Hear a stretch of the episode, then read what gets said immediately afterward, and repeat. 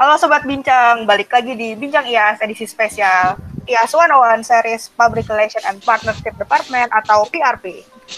Masih di IAS 101 Series, episode kali ini aku dan Ayah dari HRD IOP 12 bakal ngomongin atau ngobrol-ngobrol bareng nih sama anak-anak dari Departemen PRP. Ada siapa aja ya? Ada Elvira sama Tika dari IOP 12. Halo Elvira, halo Tika. Halo. Nah, halo nih Mbak-Mbak PRP. Aku sama Ayah bakal menginterogasi kalian nih hari ini tentang departemen kalian yaitu PRP. Langsung aja yuk, pertanyaan pertama. Nah, di episode kali ini, aku mau nanya tentang departemen kalian dulu nih. Mulai dari yang gampang deh. PRP itu ngapain aja sih kalau di IAS? Nah, jadi PRP itu sebenarnya dibagi lagi menjadi dua, yaitu Public Relation dan Partnership. Kalau di PR itu, tugas utamanya adalah membangun komunikasi dan menampilkan citra baik dari ISLC UGM nih ke publik. Untuk itu, dilakukan publikasi lewat media utamanya yaitu Instagram. Makanya nih, tugas utama anggota PR adalah ngedesain. Terus kita ngedesain apa sih? Tugas kita itu adalah membuat desain untuk publikasi, acara, dan kegiatan yang udah dilakuin sama ISUGM baik itu berupa feeds Instagram, stories, poster, infografis, dan lain sebagainya. Nah, kalau dari segi partnershipnya, kita bakal bekerja sama dengan partner strategis nih. Harapannya kita bisa memperluas publikasi serta koneksi ke IASLC UGM. Selain itu, kita bakal approach ke UKM maupun komunitas yang ada di UGM dan sekitarnya yang berpotensi sebagai partner untuk IASLC UGM. Hmm, beda juga ya sama HRD kalau HRD sih departemennya tugasnya hahihi sama rame di mana-mana, makanya namanya HRD. PR dong harusnya, kan departemen paling rame. Anyway, kalau di HRD nih, kita ada oprek sebagai proker utamanya. Kalau di PRP, apa sih proker utamanya? Wah, kalau ngomongin proker utama di PRP nih, sebenarnya kita bertugas buat publikasi. Jadi, basically kita ngehandle seluruh publikasi dan sosial medianya IAS. Nah, di PRP sendiri juga ada beberapa proker rutin nih, kayak AgriFact, AgroFocus, 100 IAS, Design Class, Annual Review, Hari Penting. Terus kita juga bakal ada bincang IAS dan juga audio broadcasting one-on-one. Kalau yang di partnership, prokernya tuh bakal disesuaikan dengan kesepakatan sama pihak partner gitu, guys. Wih, keren-keren. Terus itu kapan kapan aja ya dilaksanainnya ya? Nah, jadi gini yo, AgriFact tuh dirilis seminggu sekali di hari Minggu, terus buat di AgroFocus itu rilisnya dua minggu sekali di hari Sabtu. Nah, kalau buat 100 IAS itu tiap tiga bulan sekali guys. Terus nih ada desain kelas. Nah, itu tuh dilaksanain pada awal kepengurusan biar para member PRP siap terjun di dunia perdesainan. Terus nih buat yang hari penting itu di postnya di pada hari penting itu. Nah nanti di post di Instagram gitu guys disesuaikan sama momennya. Kemudian ada bincang IAS itu sebulan sekali di upload di Spotify.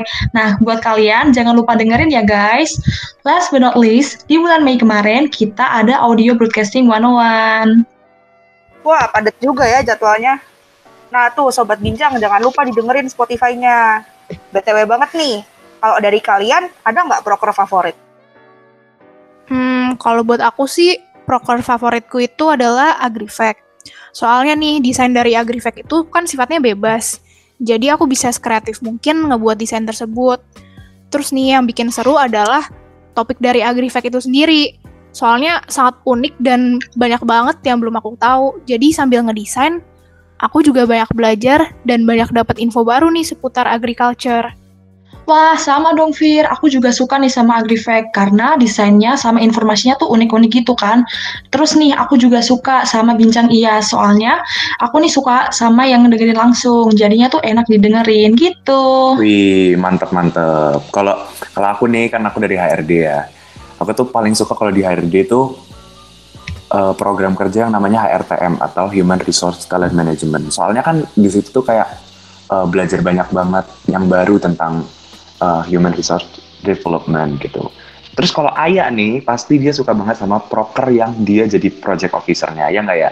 Ya nggak salah juga sih, tapi ribet. Cuma nggak apa-apa sih, asik juga kok. Soalnya dibantuin sama teman-teman, jadi seru-seru aja sama departemen lain juga. Program kerja apa tuh ya? Uh, program kerja oprek nih kebetulan nih. Nah, ngomongin tentang oprek, kalian dulu nih mbak-mbak PRP dulu kok uh, kenapa sih mau masuknya PRP? Jadi gini yo, dulu aku milih PRP itu di pilihan kedua nih sebenarnya.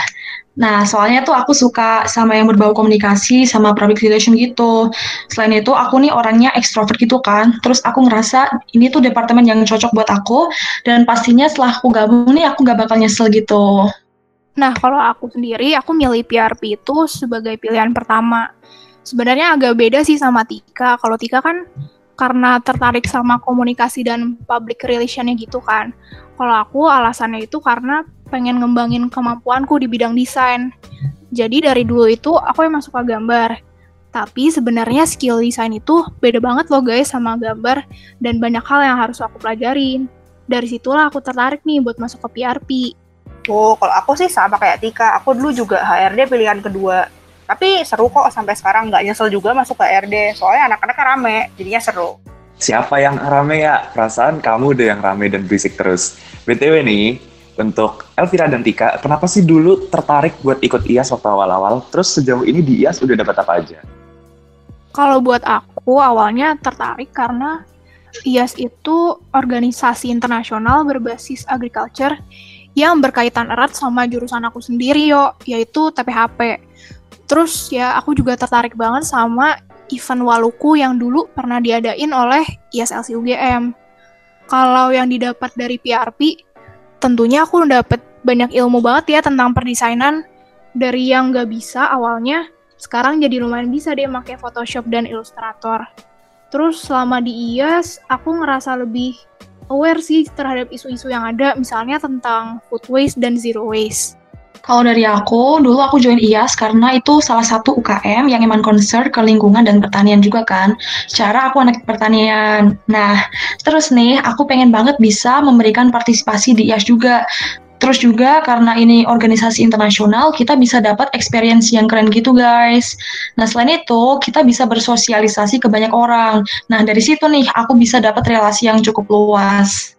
Wah, setuju banget sama Elvira sama Tika.